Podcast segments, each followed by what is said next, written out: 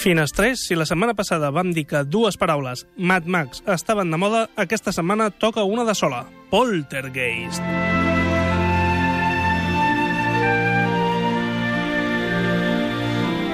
ja que la setmana que ve s'estrena la nova adaptació d'aquest clàssic del cinema de terror. ¡Maddie! ¡Madison!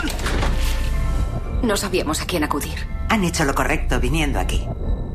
Esto no parece el típico encantamiento. Nunca había visto nada parecido. Es un fenómeno nuevo, aún más poderoso. ¿Maddie? Tienes que volver con nosotros ahora, cariño. És estrany que hagin aguantat més de 30 anys sense fer un remake d'un film tan icònic i, evidentment, serà molt difícil que atrapin l'enginy, l'originalitat, el terror i el sentit de l'humor de l'original. Está reprimida. ¿A qué se refiere? Brazos a su alrededor. Ella cree que está a salvo. ¿Quién la amenaza más, usted o su marido? Ninguno de los dos. Steve decide los castigos, yo no. Oh, vamos, Diane es un escudo. Dejen la discusión para más tarde. Steve haga que Caroline le conteste. Em fa molta il·lusió dedicar-li aquesta setmana la dada a un d'aquells films tan dels 80 que era gairebé com un mite per mi quan era petit perquè no me la deixaven veure. Després no n'hi havia per tant, però quins records. Va, que m'enrotllo massa. Som-hi amb... La dada de la finestra.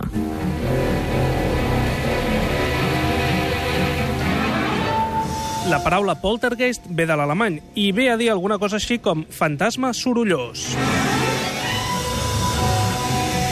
És la primera pel·lícula de Steven Spielberg com a productor i una de les poques on ha exercit de guionista. De fet, el projecte neix de la fallida seqüela de Encuentros en la tercera fase. El guió original havia de ser de Stephen King, però les dues parts no es van posar d'acord.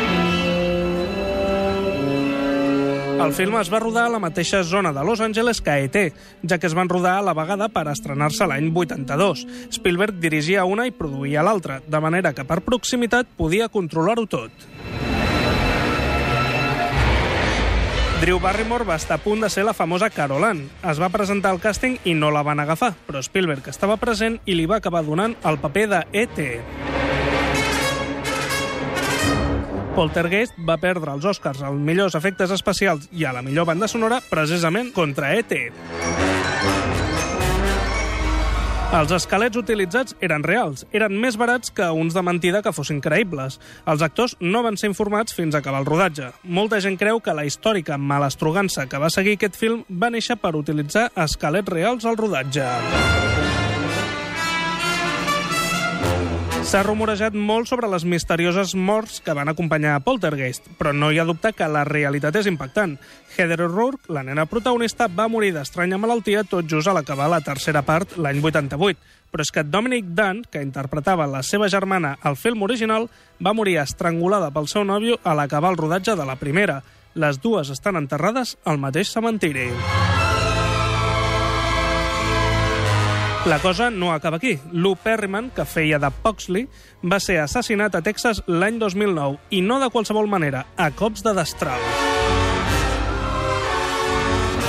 Més coincidències macabres. Al film, Robbie, el germà de les dues noies, tenia un pòster de la 22a edició de la Super Bowl de futbol americà.